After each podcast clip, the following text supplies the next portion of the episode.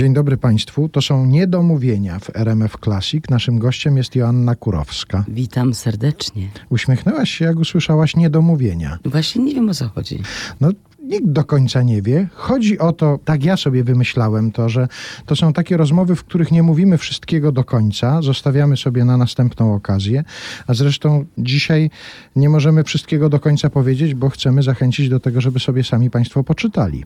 Joanna Kurowska, Każdy dzień jest cudem. Taki jest tytuł książki, w sprawie której się spotykamy. I I jesteś e, wzruszona tym, że książka się ukazała, zaciekawiona, zaskoczona. Jakie uczucia towarzyszyły, kiedy dostałaś do ręki tę książkę? posłuchaj, ja przede wszystkim jestem wzruszona, że ty przy swoim nawale pracy znalazłeś czas, żeby tę książkę przeczytać. Zawsze mnie wzruszają ładne rzeczy, jak człowiek jest ładny. Jesteś ładnym człowiekiem.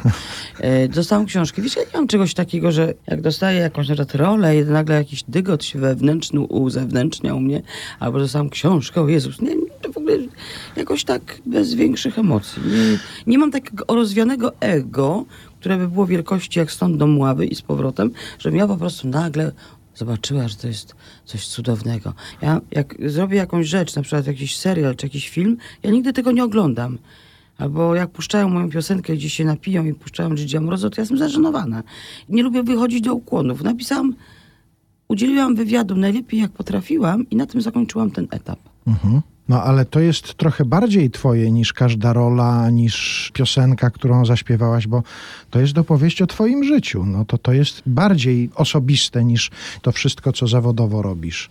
Tak, ale to nie skłania mnie do tego, żeby tak teraz się strasznie tym zachwycać. Po prostu ja tę książkę popełniłam dlatego, żeby ona miała jakiś sens, a nie, bo kogo interesuje moja zupa pomidorowa, czy jak tam kocham Zosię, bo potencjalną Zosię kocha każda mama, a nie wiem dlaczego moja zupa pomidorowa miała być lepsza od pani w Półtusku. Po prostu Albo działam- twoja Zosia lepsza Albo od moja innej Zosia Zosi. lepsza od innej Zosi. Ja tę książkę popełniłam dlatego, że powiedziałam o pewnych rzeczach, które są wstydliwe w naszym kraju, tak jak przyznanie się, że tam może małżeństwo nie wyszło, że poszłam na terapię, bo coś mi się nie zgadzało, bo miałam jakieś traumy.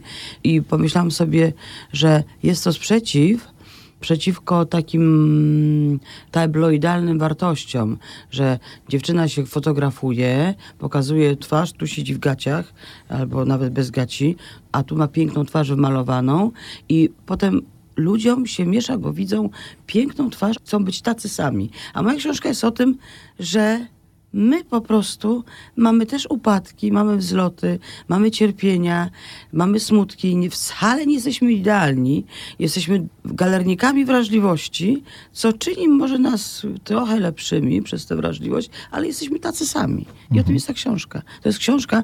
Moje życie jest pretekstem do pokazania pewnych rzeczy, do powiedzenia pewnych rzeczy. No właśnie, ja czytając tę książkę pomyślałem sobie, że pewnie wielu na nazwisko Kurowska zareaguje i sięgając po książkę, zareaguje w taki sposób, a to będzie zbiór anegdot, a to będą opowiastki o wesołych sprawach, no bo to przecież taka wesoła pani z tych seriali, z filmów, e, ze sceny, którą znamy właśnie głównie z rozbawiania publiczności. A tutaj rozrzut tego, o czym ty opowiadasz, jest bardzo duży. Od dużych smutków do dużych radości Bo to jest oczywiście. tak, jak wiesz, z dobrą piosenką. Jak powiedział Munarski, bo teatr to jest śmiech kolego, bo teatr to jest płacz kolego, no. To są te trzy elementy. I każda książka, każda rola, piosenka musi posiadać te trzy elementy.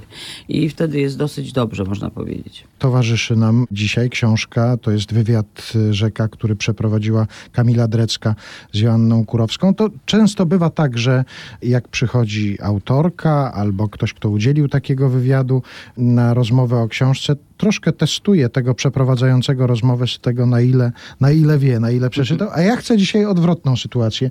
Proszę mi zacytować strona 222, trzeci wiersz od góry, jak brzmi. I będąc nad rzeką, kiedy usiadłam i płakałam. To jest to, tak? Nie, to nie jest to dokładnie. A, to Dokładnie. Uwaga, strona 222, trzeci wiersz od góry. Moim zdaniem najważniejsze zdanie w tej książce, nie tylko moim zdaniem, ale po prostu stąd się wziął tytuł tej książki. Szkoda mi czasu na banalność. Każdy dzień jest cudem. Tak brzmi to zdanie w trzecim wierszu od góry na stronie 222. Ale mi zaimponowałeś. A, no ale to... Tak jeszcze mi nikt nie podszedł. Ale jak ty mi zaimponowałaś mówiąc to, bo prawdę mówiąc, ja tak sobie jak pomyślałem o tobie, to nie spodziewałem się, że w ogóle jakakolwiek banalność ciebie może dotyczyć. Dziękuję ci bardzo. Niemniej jednak po skończeniu pewnych lat, nie przyznam się jakich, zrobiłam sobie taki e, rachunek sumienia, wykasowałam pewną ilość osób. Jeżeli już się z kimś spotykam, to chcę, żeby ta rozmowa była jakaś. Jak idę do teatru, to chcę, żeby to był dobry teatr. Jak chcę się spotkać z ludźmi, to żeby te rozmowy też były jakieś. Mnie jest szkoda czasu, bo mnie nie jest jak, mnie nie jest co, mnie nie jest wszystko jedno, jak powiedział Jarecki w STS-ie. Y, Po prostu chcę, żeby to życie miało jakiś styl. Już nie mam czasu na miałkie rozmowy. Tego czasu nie zostało mi wiele i chcę go ładnie przeżyć. Z ładnymi ludźmi. Też myśląc sobie o tym, co tutaj znalazłem w tej książce, pierwsza rzecz, która rzuca się tak e, w oczy i w myśli, kiedy się to czyta, że ty mówisz, co myślisz. To nie jest powszechne zjawisko w twoim środowisku, prawda? Że ludzie mówią, co myślą. Nie, bym powiedziała, że knują jak kot lisica z Pinokia. Po prostu, jak powiedział Miłoszewski, na ich nosie można wywiesić pranie z dwóch tygodni. Ale mówienie prawdy, co nie każdy wie, a ja się to dowiedziałam, bo też nie byłam taką mądralą, z mądrych książek i z rozmów z mądrymi ludźmi, że mówienie prawdy daje ogromną siłę. My bardzo często w swojej lękowości i nadwrażliwości i chęci przypodobania się ludziom, co wynika jedno z drugiego, jak powiedziała Maria Janion, i zresztą taką książkę napisała, Maski, my zakładamy maski. Inną do pana dyrektora, inną do pani Ziuty, która nas sprząta, inną do podwładnego, a inną do dziecka, inną do kochanki, kochanka. Tych masek jest dużo. I teraz ja dochodzę do takiego punktu w życiu, że chciałabym, żeby tych masek było jak najmniej. Bo ja nie chcę się nikomu przepodobywać i zapunktowywać. Chcę, żeby tych masek było, żeby ta maska była jedna na życie, bo ja co mam przetwarzać, jak zacznę te maski zakładać w życiu? No to jaką maskę założę na scenie? Po drugie, jest to męczące. Bardzo dużo czasu zajęło mi na spełnianiu życzeń innych ludzi i na spełnianiu ich oczekiwań. A teraz chcę, żeby moja maska była jedną maską, maską jakiejś tam prawdy, bo to mi daje siłę. Do rozmowy za chwilę wrócimy, ale skorzystajmy teraz z tego, że pojawiło się hasło STS, czyli Studencki Teatr Satyryków. To jeden z największych przebojów Wojciecha Solarza, pochodzący z balu maskowego z 1958 roku. Słowa napisała Agnieszka Osiecka, śpiewa Joanna Kurowska.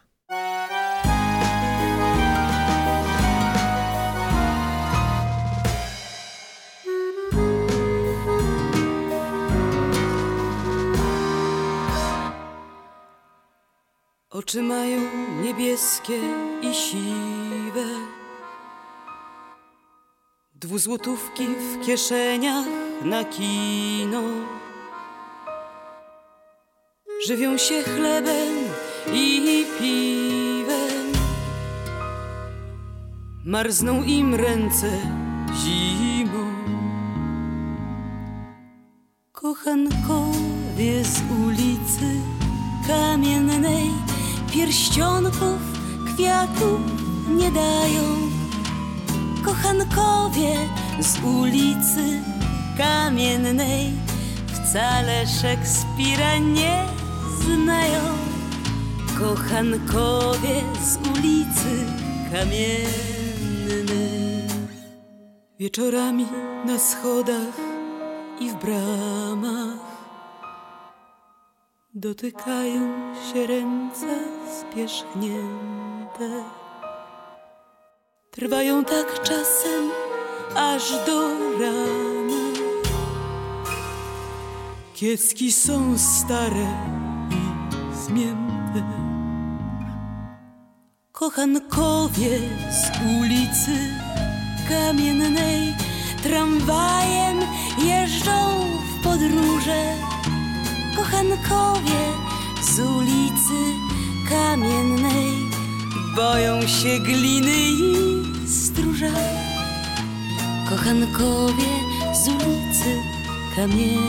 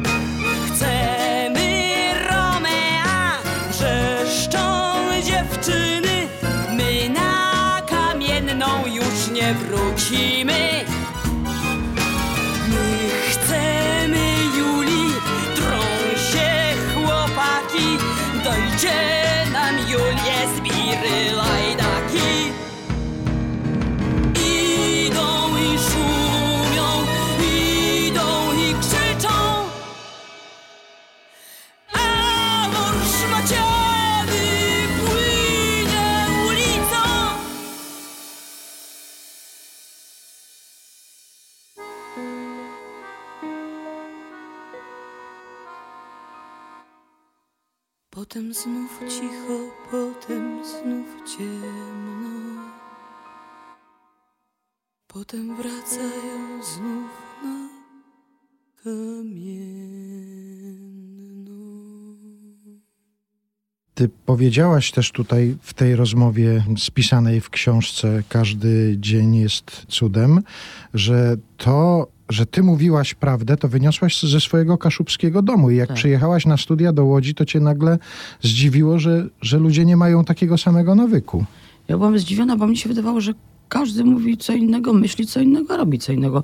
I te rozszyfrowanie tych szarat zajęło mi strasznie dużo czasu, bo ja, bo Kaszub jak przyjdzie, to ci powie, o Jezu, jak Andrus, schudłeś. A jakbyś przytył, to by nic nie powiedział, bo Kaszub jest dumny. Ale Nie powiedziałby, to, że dobrze wyglądasz? yy, Jest takie raczej nie, właśnie. Na sformułowanie. właśnie raczej, raczej, raczej nie. By tak się przyjrzał przeciągłym wzrokiem. Albo powiedział, że możesz zagrać Cześnika teraz. Natomiast y, jak mi Kaszub coś powie, to ja wiem, że to jest tak, tak, nie, nie. I potem tak każdy co innego mówił i ja musiałam rozszyfrowywać, co autor chciał powiedzieć przez to. Na przykład, tak dzisiaj będziesz ubrany, jak będziesz ze mną prowadził wywiad? A co, coś nie tak? Nie, nie, nie, nie. Jak, słuchaj, jak się dobrze w tym czujesz, to w porządku. Rozumiesz? To jest ten taki, chyba jestem ubrany nie tak, jak trzeba, rozumiesz? No i teraz słuchacze przed radioodbiornikami się zastanawiają, jak pan redaktor Andrus się ubrał na wywiad z Joanną Kurowską. Proszę Państwa, pan Andrus jest dzisiaj ubrany w pięknym, wysublimowanym kolorze granatu. W odcieniach granatu jest to przepiękne, eleganckie. Jestem naprawdę, napawam się jego widokiem. No dobrze, ale wracajmy do tej prawdomówności i tego zdziwienia faktem, że nie wszyscy tak mówią. Żeby funkcjonować jakoś swobodnie w tym środowisku, musiałaś się też nauczyć czegoś takiego, że, że nie zawsze trzeba mówić wprost, że albo że trzeba się czasem ugryźć w język na przykład, czy całe życie po kaszubsku tak, tak, nie, nie, prosto z mostu. Słuchaj, ja ci powiem tak. Zobaczyłam, że mnie się czasem to nie opłaca, a po drugie zobaczyłam coś, że nie można rzucać pereł między wieprze. Bo jeżeli ktoś nie jest moim partnerem, a ja te wygłaszam te swoje androny i te mądraluję się straszliwie, bo ja się trochę mądraluję, i temu mądralowaniu sprzyja to, że ja bardzo dużo czytam.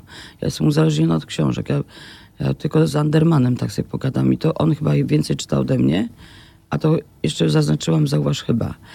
Bardzo dużo czytam. I to mi daje właśnie asumpt do bycia mądralą. Zobacz, na mężczyznę mówi się mędrzec, a na kobietę mądrala. No to jestem ja, mądrala. Ja mądraluję się strasznie. Mondrini teraz można. Mondrini? Tak, teraz. A, jakie ładne. Teraz? Mondrini, Mondrini. I przestało mi się to opłacać, patrzę, a po drugie zaczęłam traktować nie każdego jak swojego partnera, bo to trzeba rozróżnić. Mówimy różnymi językami, nie dogadamy się. On nie złączeje, a ja zgłupieję, jak powiedział Munarski. No więc po co coś takiego robić? Chociaż miałam taki kiedyś program w pewnej bardzo bogatej stacji, gdzie były psy kontra koty. Ja przyszłam z moim psem, posakowcem bawarskim i tam się odbywała bardzo dziwna jadka. Taka... To jest prywatna stacja? Można Prywatne, przeklinać? tak. Ale można wypikować Cy- w razie czego. Cytuję. Pip, pip, to sobie wygooglujesz. To jak pipamy, to znaczy, że były brzydkie słowa padały na koty i psy, więc ja powiedziałam, przepraszam bardzo, ale jest na świecie tyle agresji, ja w tym programie nie wystąpię.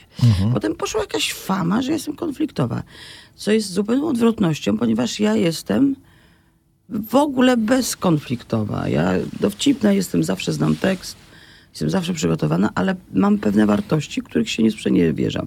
Więc jak zobaczyłam, że po prostu muszę dokładnie czytać, co to jest za program, albo powiedzieć, najlepiej to zwalić na chorobę, wtedy cię jeszcze żałują. Mhm. Rozumiesz? Kwiaty ci przysyłają do domu. Trzeba być dyplomatą. Ja się nauczyłam dyplomacji. Trudnej sztuki dyplomacji. Dyplomacja kaszubska, istnieje coś takiego? Oczywiście. To jest w moim wydaniu. Ojciec był z Warszawy, więc wiesz, to się tam jakoś te geny pomieszały. Skoro już nam się ten wątek kaszubski pojawił, to jeszcze na chwilę się zatrzymajmy. Masz cały czas kontakt ze swoimi stronami rodzinnymi, to znaczy Rumia, Wejherowo. Tak. Nawet jak ktoś do mnie mówi, cześć Kaśka, to ja wiem, że to jest z Rumi, albo z Wejherowa, albo z Pucka, albo z Gdyni. Mhm. Się urodziłam zresztą. Bo ja mam na pierwsze Katarzyna, nie mam Joanna. Więc y, jak ktoś mówi Kasia, mówi, o, o, moje strony się odzywają. Nawet mam, grałam w Gdyni. Przyszła moja ciocia, siostra mojej mamy, Gabriela. I przyszła moja przyjaciółka z dzieciństwa, Jola Rakowska, z drugą przyjaciółką. I mam tam masę, zostawiłam fajnych ludzi. I tak pojadę, to nie jest tak, że ja jadę, ja po prostu zostawiłam tam jakiś swój ślad w postaci zaprzyjaźnienia się z ludźmi. Nie jest ich dużo, ale są. A masz tam też e, miejsca nadal swoje? Ja przestaję takie kultywować takie miejsca, bo by mi się serce rozdarło na pół, bo wszyscy z mojej rodziny, którzy byli, to zmarli w przeciągu dwóch lat i to była straszna trauma dla mnie. Więc jak ja jadę do mojej rodzinnego miasta, to mi za dużo jest punktów bólowych tak zwanych i ja, żeby się bronić, to na przykład zobaczyłam, jak fajnie jest w hotelu Gdynia i sobie wynajmuję hotel, bo to może się zmienić, bo czas może tam coś uleczyć, ale na razie nie uleczył, więc ja nie jadę do tych miejsc, które przypominam sobie, jak było. Ale ta biblioteka, do której chodziłaś, Pani Pęcak, Magda? pani Pęcak, tak, stoi w tym samym miejscu, w którym była, czy coś Słuchaj, tam się jeszcze ta zmieniło? pani Ma- Magda Pęcak żyje. Ja spotkałam teraz jej córkę Magdę Pęcak i ja mówię, co ty robisz? A jestem w bibliotece, po mamusi przejęłam. Ty Boże, jakie to piękne. Ale wiesz, jaki ty piękny hołd złożyłaś bibliotekarce w tej książce, opowiadając o niej, opowiadając o tym, jak ona ci nielegalnie wypożyczała cztery książki, a można było dwie książki wypożyczyć. tak. To jest naprawdę wzruszający hołd złożony bibliotekarce. Właśnie, trzeba składać y, hołdy bibliotekarkom. Mhm. Ludziom, którzy nas ukształtowali. Którzy właśnie tak to nas ukształtowało, że spod lady dawali nam dwie książki. I może te książki spowodowały, że dzisiaj siedzimy tutaj w radiu RMF Classic. To była biblioteka w Rumi, To była tak? biblioteka w Rumi naprzeciwko szkoły numer jeden, do której ja chodziłam, do podstawówki. I to było coś cudownego. Zapach książek, zapach nieznanego, wchodzenia w jakąś przygodę. A to było takie malutkie to miasto. Znaczy nie malutkie, 40 tysięcy mieszkańców, nie takie malutkie. Ale to było takie, że ten zapach książek, to przewracanie, wchodzenie w światy, wypożyczanie pana Kleksa z rysunkami Szancera. No to był świat, który, który był dla mnie, dla dziewczynki z prowincji czymś fantastycznym. A sama tam do tej biblioteki poszłaś, czy ktoś cię zaprowadził? Wiesz co, ja byłam bardzo samodzielna. Moja siostra, która była rok starsza, mnie zaprowadziła. To potem już wiedziałam, że trzeba przejść przez składkę, przez rzeczkę i szłam sobie do tej biblioteki. Już jako malutka dziewczynka. A dzisiaj należysz do jakiejś biblioteki, jesteś zapisana? Czy... Oczywiście, bo ja tak czytam dużo, że ja nie mam gdzie tych książek kłaść. Ja mam tysiące książek i po prostu teraz nawet je wypożyczam i wiem, że ludzie mają coś takiego, że nigdy nie oddają. Chociaż mówi, ja oddaję, każdy mówi, ja oddaję. Żaden nie oddał. I ja nawet teraz byłem będąc na wyjeździe, pożyczyłam osiem książek, bo nie mam gdzie ich kłaść. Należy do dwóch bibliotek. Jedną z tych bibliotek jest w Górze Kalwarii, druga w Piasecznie i sobie wybieram. Też tam wchodzę i tam się czuję, jakaś pamięć komórki jest chyba bezpiecznie. Cicho, spokojnie. Teraz oczywiście to jest wszystko skomputeryzowane w tych bibliotekach. Pan tutaj mówi jakiś tytuł i pan patrzy trzecia półka, piąty rząd, siódma aleja i on to wszystko ma. Trochę mi to przeszkadza, bo to tak ja lubię sobie posiedzieć, popatrzeć, pooglądać. Oni tam się bardzo śpieszą, bo dużo ludzi jeszcze czyta książki, okazuje się. Zdarza ci się podczas takiej wizyty w bibliotece wrócić do których z tych książek, które w tamtej bibliotece u pani Pęcak sobie wybierałaś? Czy takich wspomnień w tamtą stronę nie, nie robisz, bo nie masz czasu, bo trzeba czytać Nie, coś wiesz nowego? ja na przykład wracam. Nie pamiętam tego, czy ja to czytałam będąc tam, ale jak jest ktoś taki, jak rozumiesz, Truman Capote, to ja do niego wracam. Ja czytam opowiadanie gwiazdkowe, to jest taka książka, którą czytam na każde Boże Narodzenie. Trumana Capota, mojego ukochanego pisarza amerykańskiego i zawsze płaczę. Nie wiem, jak on działa na mój gruczoł łzowy, ale jakoś tak działa, że w momencie, kiedy oni robią te placki owocowe, y, nie mając pieniędzy z, z ciotką Suki, bo ona mówi do niego, Buddy, czas na placki owocowe. Ja zawsze płaczę. I zawsze w tym momencie mówię, nie, w tym roku nie będę płakać. Dochodzi do tego momentu, beczę. A może beczysz dlatego, że sobie podczas czytania włączasz rekwiem Mozarta? Wiesz, to jest bardzo ważna rzecz. Jak ja usłyszałam raz, pierwszy raz w Rekwiem Mozarta, to się popłakałam. To ja napisałam to w książce, bo już nie Napisałaś, pamiętam. tak? Tak, napisałam, Tak, bo tak. nie pamiętam. Ja uklękłam i się popłakałam. Nie wiedziałam, że to... Tam zobaczyłam, nagle zobaczyłam palec Boga w tych nutach. Bo coś to mnie poraziło. Ta wielkość, że ile trzeba wycierpieć i wyśnić, żeby taką melodię wymyślić. Powaliło mnie to.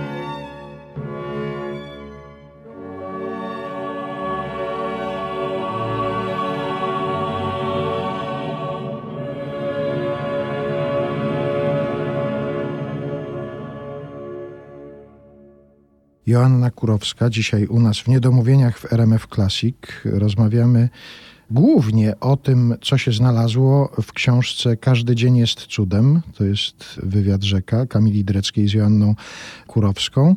Powiedziałaś o tym, jakie wrażenie zrobiło na tobie, kiedy pierwszy raz usłyszałaś rekwiem Mozarta. To było dzieciństwo, jeszcze w Tak, dzieciństwie tak, usłyszałaś tak, to. tak, tak.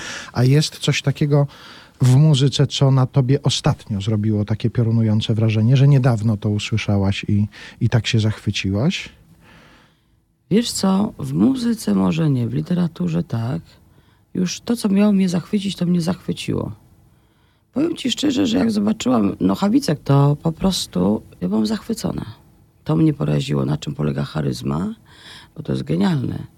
Bo to nie jest tak, jak Madonna ma 60 tancerzy, e, walkie-talkie, zjeżdżają dymy, pioruny i tam jest tyle ludzi. A ja widziałam w, jego, w Pradze występ, były setki tysięcy ludzi stał on, bardzo starszy pan, z gitarką, bez żadnych chórków, bez niczego i porwał tłumy. Powala mnie, jak widzę coś takiego, jak widzę tego rodzaju wielkość. Jest tutaj w tej książce oddzielny rozdział pod hasłem młynarski. I to słyszy się zresztą już w tej naszej rozmowie można było usłyszeć, jak to jest ważna dla ciebie postać, jak to był ważny dla ciebie człowiek. Czy ty się nim fascynowałaś, zanim go poznałaś osobiście? Czy ta fascynacja przyszła z osobistym poznaniem? No wiesz, to jest taki geniusz, że to się człowiek zawsze fascynował, jak można tak po prostu podrzucać do góry słowa, a one upadają tam, gdzie on chciał. Mnie to zafascynowało. Oczywiście, że mnie fascynowało, ale pierwsze spotkanie było dosyć dziwne z nim, bo ja się spotkałam w Teatrze Ateneum. Profesor Bardini tak mnie ulubił bardzo, że tak to nazwę. I, i robił mi, ja zajęłam Grand piosenki aktorskiej we Wrocławiu, gdzie on był przewodniczącym komisji, z Kaliną Jędrusik zresztą. I on mnie tak wziął pod swoje skrzydła. I tak, jakoś tak mu się podobało to, co, jak ja śpiewam. Zrobił mi recital, który potem y, miałam w Instytucie Polskim w Paryżu, bo to była taka nagroda. On mi tylko robił ten recital i strasznie chciał, żebym weszła do Teatru Ateneum, a byłam u Hanuszkiewicza w Teatrze Nowym. On strasznie uważał, że powinna być w Ateneum. I, powiedział, że i wtedy robił Młynarski Chemara i zabrał mnie na próbę. Kazał mi coś zaśpiewać. No to ja byłam z Rumi, człowieku. Ty sobie to wyobrażasz? Z jednej strony profesor Bardini, z drugiej Młynarski, a w środku ja. Dziewczynka, która z miasta, w którym tramwaje nie jeżdżą w ogóle. Ale była pani Pęcak i była biblioteka. Tak, no była. Ale to trochę mało, jak na tak wielkie osobowości. I y, on kazał mi coś zaśpiewać, ja tam coś zaśpiewałam, pamiętam, on mówi, o, fajnie, fajnie, fajnie. Fajnie, fajnie, fajnie. Bardini mówi, to niech pan ją zaangażuje, jak tak fajnie. A on powiedział, dobrze, pomyślę. I potem oczywiście nic z tym nie zrobił, bo miał swoje sprawy. Ale potem, nie pamiętam jak to się stało, ale zaproponował mi w Kryminale Tango, swoim takim mm, musicalu, który przetłumaczył jedną z głównych ról. I wtedy się zaczęła taka nasza, można powiedzieć, przyjaźń uczennicy z Demiurgiem. W Teatrze Rampa ten spektakl był grany, Ach, ty wszystko wiesz. bo widziałem, byłem. A, byłeś. Byłem, widziałem i tam na scenie ty śpiewałaś to słynne Zmywam dzień i noc szklanki w budzie tej. Moi je suis le verre fond du café. Piosenka że słuchaj, tam jest tak. Zmywam dzień i noc, szklanki budzie tej, pam, bam, bam, bam, bam, bam, mam charówy moc, marzeń trochę mniej, tom, dom, dom, dom. Ja podchodzę na ostatniej próbie generalnej, na którym była moja przyjaciółka Agata z swoim młodszym synem. I ja tak, strasznie się nadełam, bo miałam sukces po tej piosence. Mi się wydawało, już się ocierałam o skrzydła anioła, widziałam jak wszyscy wstają z miejsc. Ja tak, zmywam dzień i noc. Kurwa, co ja zmywam? Statki? Brakuje słowa. To jest, to jest sen aktora. Brakuje ci słowa, jak ci brakuje w dramacie, to sobie go dopowiesz. Ale jak ci brakuje piosence, to nie dopowiesz, bo nie ma rymu. I ja sobie Pilaszewska, Agnieszka mówi, Agnieszka, co ja zmywam? No, ja nie wiem, co ty zmywasz. Ja co ja, zmy, co ja zmywam? Do Jaremko, który siedział z tyłu. Jaremko, co ja zmywam? Nie wiem. I ludzie się tak tego szemrają, szemrają, szemrają. Jakaś, ktoś litościwie mi przyniósł, że szklanki w budzie tej. No i potem oczywiście zaśpiewałam na takim nerwie, dostałam duże brawa, ale już było, to było trochę żałosne. I potem przed wejściem na kotarze pisałam sobie wielkimi literami szklanki. Przed każdym szklanki, wziąłam szklanki. Sen aktora. Ale to nie przeniosłaś tego do domu, że na przykład na szafce, gdzie masz szklanki, musiałaś sobie napisać szklanki, żeby... Nie, nie, nie, to, to się zacznie. Ten, no, to, to się zacznie. To jeszcze nas za parę lat. Archiwum Teatru Rampa zachowało się nagranie Kryminale Tango, spektaklu Wojciecha Młynarskiego z 1997 roku. Kochankowie dnia w wykonaniu Joanny Kurowskiej. Zmywamy dzień i noc, szklanki w budzie tej. Mam charowy moc, marzeń trochę mniej. I w tym podłym tle hotelowych ścian te sylwetki dwie wciąż przed sobą mam. Nie wiedział nikt, skąd przybyli w tym dniu. Prosili o kąt, by kochać się tu. W ich oczach był blask, był pośpiech i głód. I los im swych łask udzielił w tym dniu. Patrzyli w zachwycie na marny pokoik, nim przeszli przez próg, nim przeszli przez próg. W ich oczach był blask, był pośpiech i głód. Czy na mnie tak ktoś popatrzeć by mógł i zazdrość i złość mnie żarła psia krew, gdy myłam te szkła oparta o zlew. Zmywam dzień i noc szklanki w budzie tej. Mam chorobę moc, marzeń trochę mniej. I w tym podłym tle, i w tych ścianach złych Dzień wspominam, gdy znaleziono ich. Nie wiedział nikt, skąd przybyli w tym dniu. Prosili o kąt, by kochać się tu. W ich oczach był wciąż ten pośpiech i głód i sami swój los wybrali w tym dniu. Patrzyłam, stężała jak martwe ich ciała, niesiono przez próg, niesiono przez próg. W ich oczach był wciąż ten pośpiech i głód. Czy na mnie tak ktoś? Sercu na dnie ścisnęło się coś, a zresztą psia krew ja roboty mam dość. Zmywam i noc, szklanki w budzie tej. Mam charuchy moc marzeń, trochę mniej. I w tym podłym tle głubi masz do łez. Ten sam pokój wciąż do wynajęcia jest.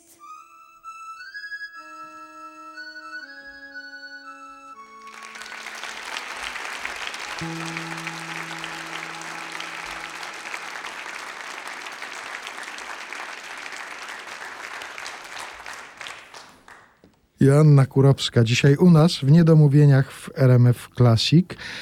Dawniej od razu strzelałam dowcipami, żeby ktoś taki poczuł się komfortowo. Była we mnie jakaś odpowiedzialność za uczucia innych. Tak mówisz o Tak. takich sytuacjach ulicznych, kiedy ktoś cię rozpoznawał. Ty chciałaś, żeby ktoś się dobrze czuł i od razu musiałaś mu to dobre samopoczucie za, zapewnić. Ale mówisz o tym w czasie przeszłym. Teraz już tak nie jest? Nie.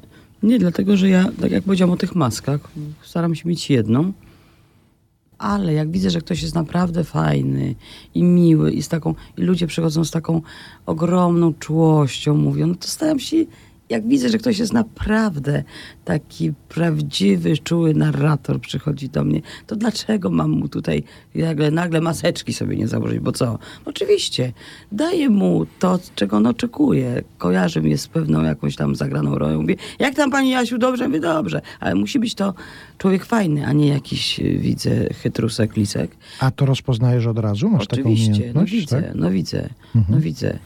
Ludzie tak się skrywają, jak się znają aktorkę, tutaj nie powiem kolegi aktora, który w Międzyzdrojach podchodzi żona i mówi do mojego kolegi, bardzo znanego aktora z rancza i mówi, "Mm, mogę pana, mogę, mo- mogę, mogę pana autograf? On mówi, proszę bardzo. I do męża, chcesz z nim autograf? On mówi, chyba żartujesz, ja mam z Beyoncé.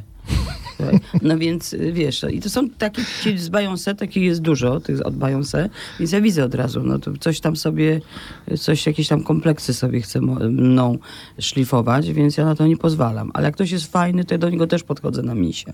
Mhm. A w sytuacjach towarzyskich, takich, no powiedzmy, urodzinowo-imieninowo-spotkaniowych, ty jesteś duszą towarzystwa, czy się wycofujesz raczej? I Jak jest fajna impreza, to ja z siebie coś daję. Zresztą wiesz, jak ktoś cię zaprosił na urodziny, ja mam takich kolegów, też nie powiem nazwiska, siedzą, bo są zaproszeni, z aktorą siedzi teraz, bawcie mnie. Ktoś mnie zaprosił, wykonał pracę, y, zamówił catering, wymyślił, co tam ma być. To trzeba coś, jakiś rodzaj energii fajnie z siebie wydatkować. Bo jesteśmy zaproszeni. Dostąpiliśmy zaszczytu, że ktoś nas lubi i chce. Więc ja uważam, że trzeba się tym od, y, odwzajemnić jakoś. No to proszę Państwa, proszę organizować i zapraszać Joannę Kurowską do siebie na urodziny, imieniny. O kurczę. Odwzajemnij się. Ja w ogóle powiem ci szczerze, nie chodzę. I ja mam samotność Szweda. Tyle pracuję, że ja jak pojadę do siebie na wieś, to ja ładuję akumulator w ciszy. I kocham, kocham ten rodzaj ciszy i samotności. Bo Jestem kompatybilna z uczuciami, z myślami, z moimi książkami i ja zupełnie jestem inną osobą, którą gdzieś tam kreuję w tych rzeczach, które mi dają do kreowania. A to zawsze tak było w tym twoim zawodowym życiu? Czy do tego właśnie modelu dużo pracy, ucieczka na wieś, to trzeba było To dorastać? trzeba było dorastać. Do ciszy się dorasta, proszę pana. Mhm. Może pomilczmy sobie teraz Nie, bo to będzie mało interesujące. w radiu, tak. Bo na przykład, wie pan, to jest interesujące, jak pan tak na przykład bardzo chciałby się teraz roześmiać, a nie chce się pan. To są takie, takie smaczki, widzi pan. Jeszcze chciałem cię zapytać o taką kwestię. Jakim sąsiadem był Adam Hanuszkiewicz? O Jezus, tam w garderobie? Tak. O matko święta, trzeba się było podlizywać, bo on mi użyczył tej garderoby do mieszkania, więc ja musiałam być bardzo miła, a ja zawsze mówię to, co myślę i to mnie strasznie męczyło. Ja się w ogóle nie umiem podlizywać. Ja jestem tak samo dla pani sprzątaczki, dla pana hydraulika, jak i będę dla, nie wiem, mojego dyrektora czy kogoś. Ja tego nie... Dla mnie człowiek to jest człowiek. Człowiek to jest wielka rzecz. Ja tak samo z zainteresowaniem rozmawiam z panią, która piecze bułki, tak samo rozmawiam z człowiekiem, który pisze dramat, niby go dla mnie przyniósł. Nie widzę tych różnic w ogóle, nie chcę tych różnic widzieć.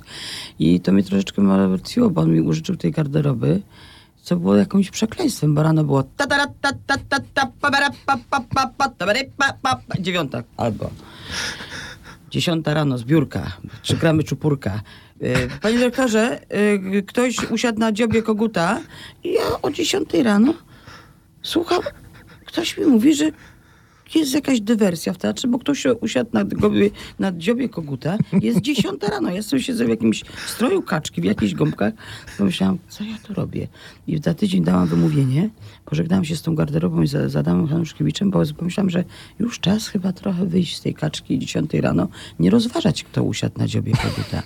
To mnie jakoś popchnęło. Natomiast już tak poważnie mówiąc, to ja bardzo dziękuję Hanuszkiewiczowi, bo nie musiał mi dawać tej garderoby, gdzie nie miałam mieszkać, bo to był jego bardzo ładny ukłon.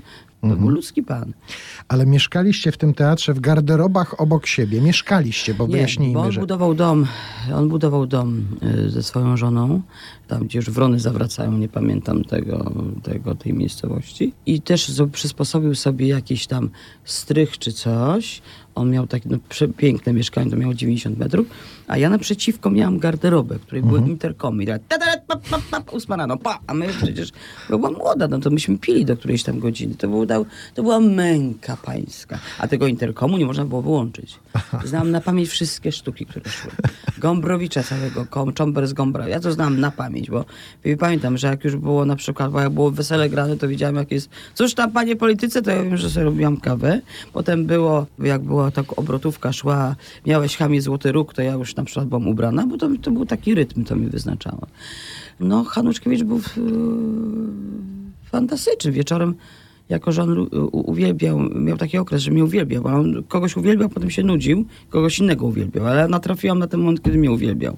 Więc on cały czas chciał ze mną przebywać i myśmy gadali sobie. To było bardzo fajne. On mnie ukształtował, bo jak się gra przez rok, w ciągu roku cztery role i to nigdy nie grałam epizodów, zawsze główne role grałam, albo drugoplanowe u niego, więc on mnie nauczył zawodu, już tak poważnie mówiąc, bo to nie nauczysz się nigdzie zawodu, jak grając, tylko w teatr cię nauczy.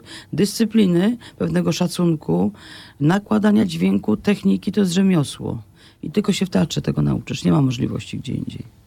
Ale sąsiadem był takim, że na przykład przychodził po sól do ciebie, albo ty do niego To po był cukier? taki sąsiad, że ja do niego chodziłam po sól, bo on miał wszystko. Mhm. A u ciebie w garderobie tylko interkom był. Tylko był interkom, to prawda, nie było nic. Do rozmowy za chwilę wrócimy, ale najpierw wróćmy do płyty z piosenkami, które dla STS-u pisali Agnieszka Osiecka i Wojciech Solarz. Sącz bez ciebie. Śpiewa Joanna Kurowska.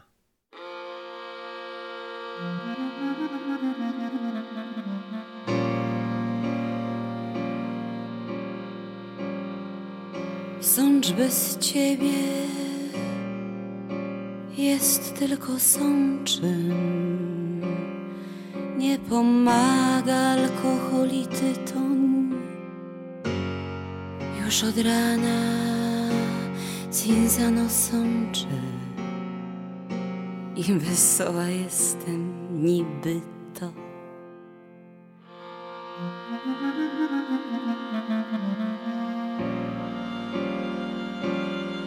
Stary ratusz pozdrawia gości. Pachną róże i pną się pnącze, a ja wzdycham do Twej miłości. Sącz bez Ciebie jest tylko sączem.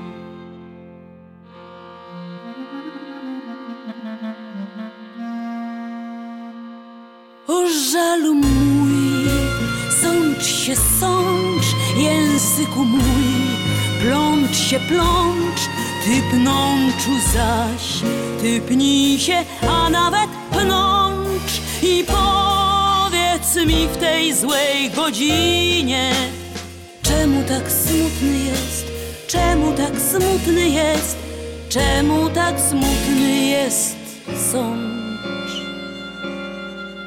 W taki dzień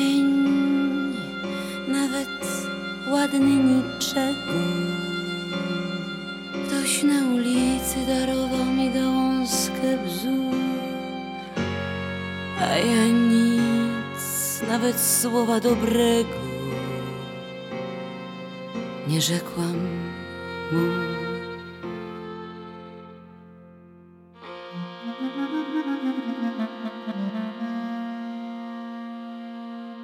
O żalu mój, sącz się sącz, języku mój, plącz się plącz, ty pnączu zaś, ty pnij się, a nawet powiedz mi w tej złej godzinie, czemu tak smutny jest, czemu tak smutny jest, czemu tak smutny jest?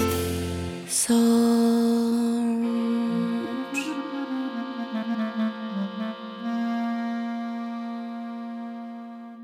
Joanna Kurowska dzisiaj u nas w Niedomówieniach w RMF Classic. Proszę Państwa, dzisiaj informujemy o tym, że jest książka. Każdy dzień jest cudem. To jest rozmowa e, z Joanną Kurowską. I ja się tutaj jeszcze paru rzeczy dowiedziałem takich, które mnie naprawdę zaskoczyły i zachwyciły przy okazji, bo wiesz, że jesteś pierwszą osobą, którą ja znam, która w dziecięcych takich odgrywaniach czterech pancernych i psa była czereśniakiem? To Ja- straszne. Ja nie znałem Czereśniaka. Każdy chciał być Jankiem, no Grigorijem, dobra, tam jeszcze. Ale Czereśniaka To nie właśnie pamiętam. problem polega na tym, że nie, ja nie chciałam być. Nie te role nadano. I to był taki support do bycia w, na etacie w teatrze. Czasami też musisz zagrać czereśniaka. I kiedyś pytałam, Zresztą świetna postać, no tylko do tego trzeba ale dorastać. nie, no tak. każdy chciał być Marusią. Marusia, I każdy tak. chciał być Marusią. A Litka to już dobra, no dobra, Litka. Marusia, Litka, ale żeby być czereśniakiem. Ja nie miałam... Jeszcze że- dziewczynka Ja Czereśniak. nie miałam zęba z przodu i miałam alergię, wtedy tego chyba nie diagnozowano i miałam gila zawsze tutaj. No więc dostałam najbardziej podłą rolę. Włosy pojawiły mi się późno. Ja miałam 3 czy 4 latka, więc miałam gila, ząb bez włosów. No to co ja mogłam dostać? Fijeckiego. A, to jeszcze ojca Czereśniaka Ośnia, no to, to do, do, do tej hańby dopełnia fakt, że to był ojciec Czereśniaka.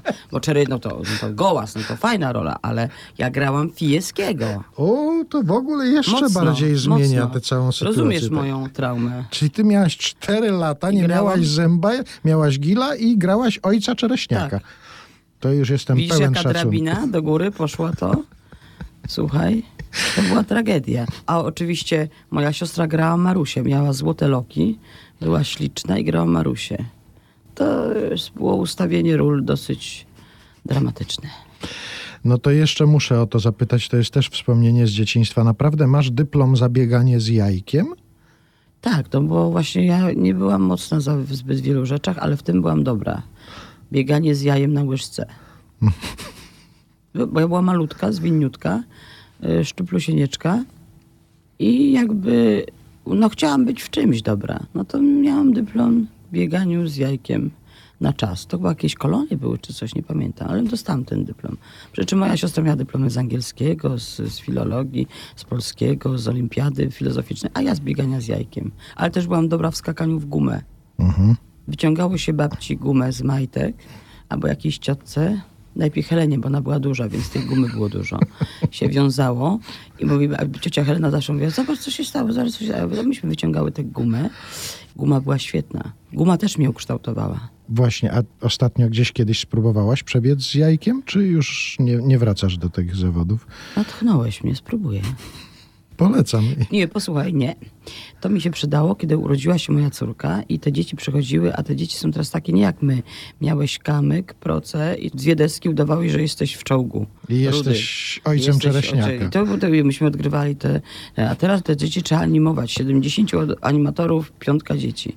I ja na przykład animowałam, właśnie jak dzieci przychodziły do mnie, do mojej córki, to właśnie ja robiłam zawody z jajem w workach skoki. Dzieci były zachwycone i pytały się, kiedy będziesz miał coś koło rodziny? A matka jest? Ja mówię, jest, no bo matka robiła te... Sama byłam, wiesz, tam stałam e, z tym jajem, biegałam, rozumiesz? Jajo, ba- ja- jajo się, było najlepsze.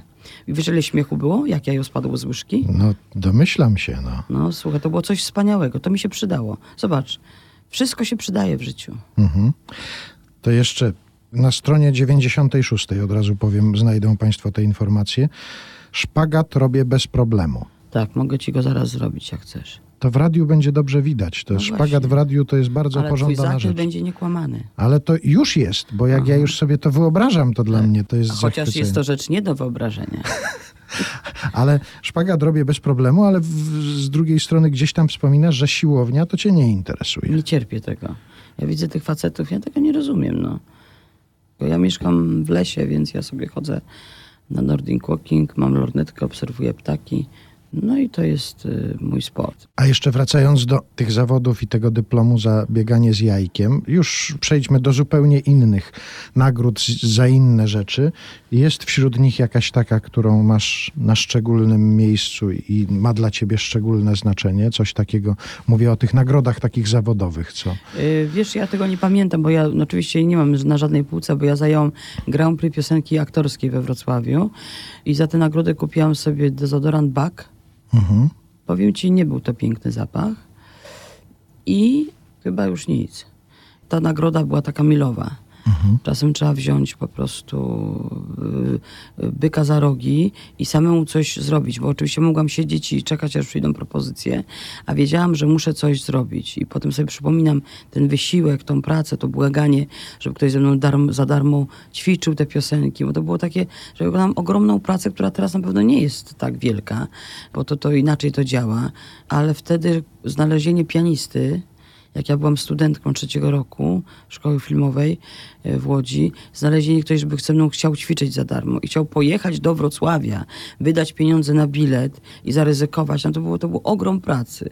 Ja go włożyłam i, i to posiałam i, i zebrałam. Wiem, że wszystkiego o tej książce nie powiemy, a nawet nie powinniśmy powiedzieć, Tak. bo chcemy, żeby Państwo sami sobie zajrzeli do książki Każdy dzień jest cudem. Może niektórzy z naszych słuchaczy mogą odnieść takie wrażenie, że tu jest jednak dużo wesołych, pogodnych rzeczy, bo jest, ale są też bardzo poważne rzeczy. Na przykład takie hasło jak terapia się tutaj pojawia i ty bardzo mocno akcentujesz to, jakie to ma znaczenie dla ludzi i żeby się tej terapii nie bać wtedy, kiedy ona jest potrzebna w życiu człowiekowi. Ja myślę, że jesteśmy takim krajem, którym się w ogóle bardzo dużo rzeczy nie mówi, który na reakcję, że ktoś jest w terapii, mówi o takiej osobie, że jest wariatem. To są straszne rzeczy, bo jak cię boli ząb, to idziesz do dentysty, boli cię nerka, idziesz do urologa, boli cię dusza, nic z tym nie robisz. Bierzesz pół litra i pijesz, co powoduje wtórną depresję. Jeżeli ma się jakiś problem, jakieś niezałatwione sprawy, jeżeli coś nas uwiera, mamy traumy po rozwodzie, to trzeba sobie pomóc po prostu. I nie każdy ma odwagę o tym mówić. Ja mam odwagę o tym mówić. Kiedy się rodzimy, są przed nami drzwi i powinniśmy przez te drzwi przejść, bo one inaczej się zamkną. Jeżeli przez nie nie przejdziemy, to mamy do dyspozycji cudze drzwi. Ale jeżeli przejdziemy przez cudze drzwi, to nigdy nie zbudujemy swojej tożsamości.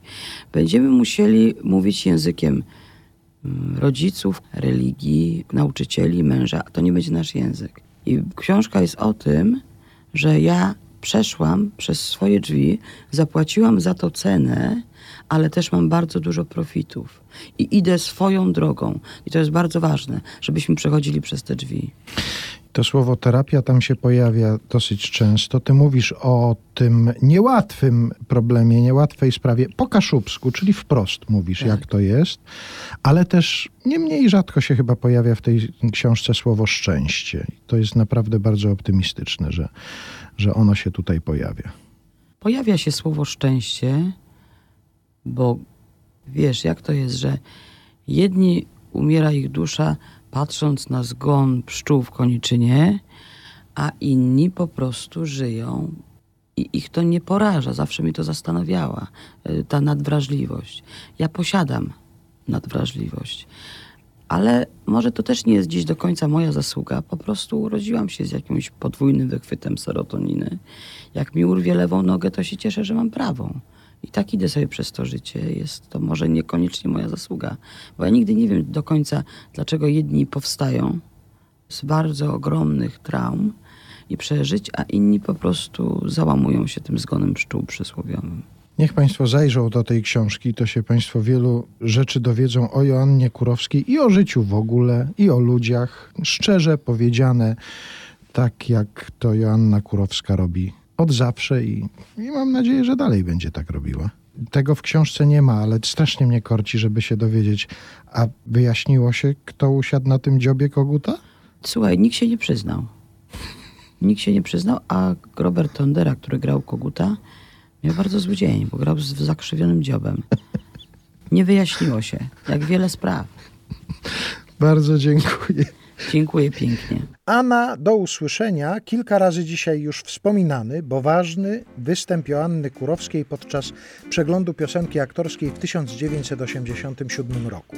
Gigi Amoroso w przekładzie Wojciecha Młynarskiego. Mandolina już gra, zeszła leciutka mgła. Neapol tylko takie wieczory zna, kiedy po skwarnym dniu wszyscy przychodzą tu, by tańczyć, wino pić, śpiewać co tchu. Lecz nie dla mnie ten bal, lubię plażą iść dal. Po moich śladach siedem przebiega fal. Księżyc jest jak we śnie, chłopców śmiech goni mnie. Lecz moje serce nawet ani drgnie, me serce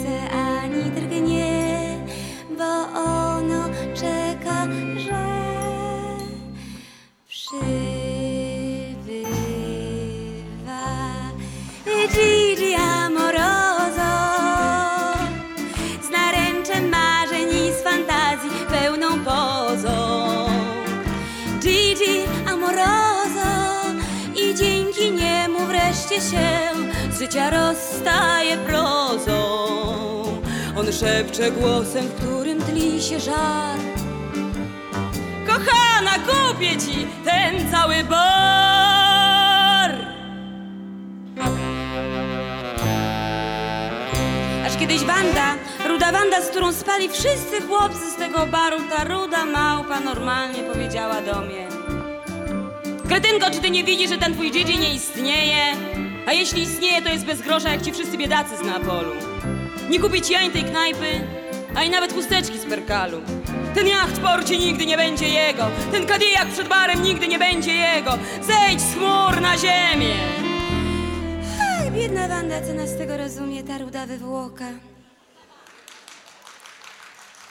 Wielka forsa to śmieć, wcale nie chcę jej mieć. Lecz gdy się los uśmiechnie i zechce chcieć Nagłej miłości blask, błysk szaleństwa choć raz Wypełni szczęściem szary, smutny czas I wciąż marzenia me śpiewają ze mną, że przybywa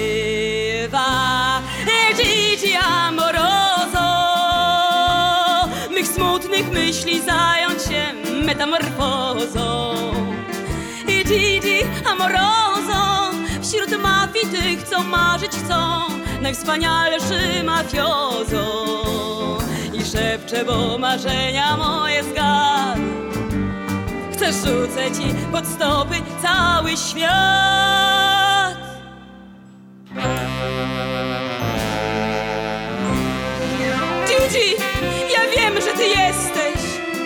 kiedyś tu do mnie przyjedziesz. I pamiętaj, nie zmieniaj się nigdy.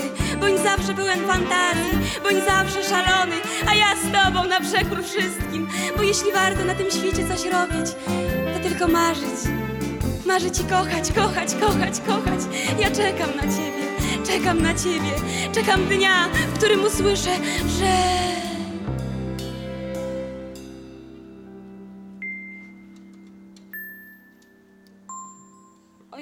skończyłam śpiewać.